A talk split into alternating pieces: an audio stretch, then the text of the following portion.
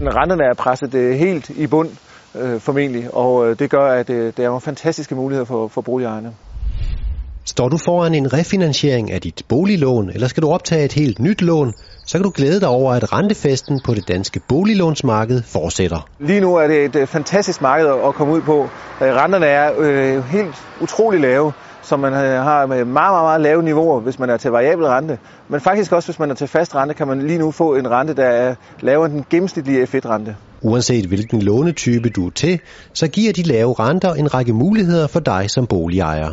Hvis man er til lån med variabel rente, så er der faktisk mulighed for at, at låse renten fast i 3 eller 5 år, uden at det giver en nævneværdig mere pris.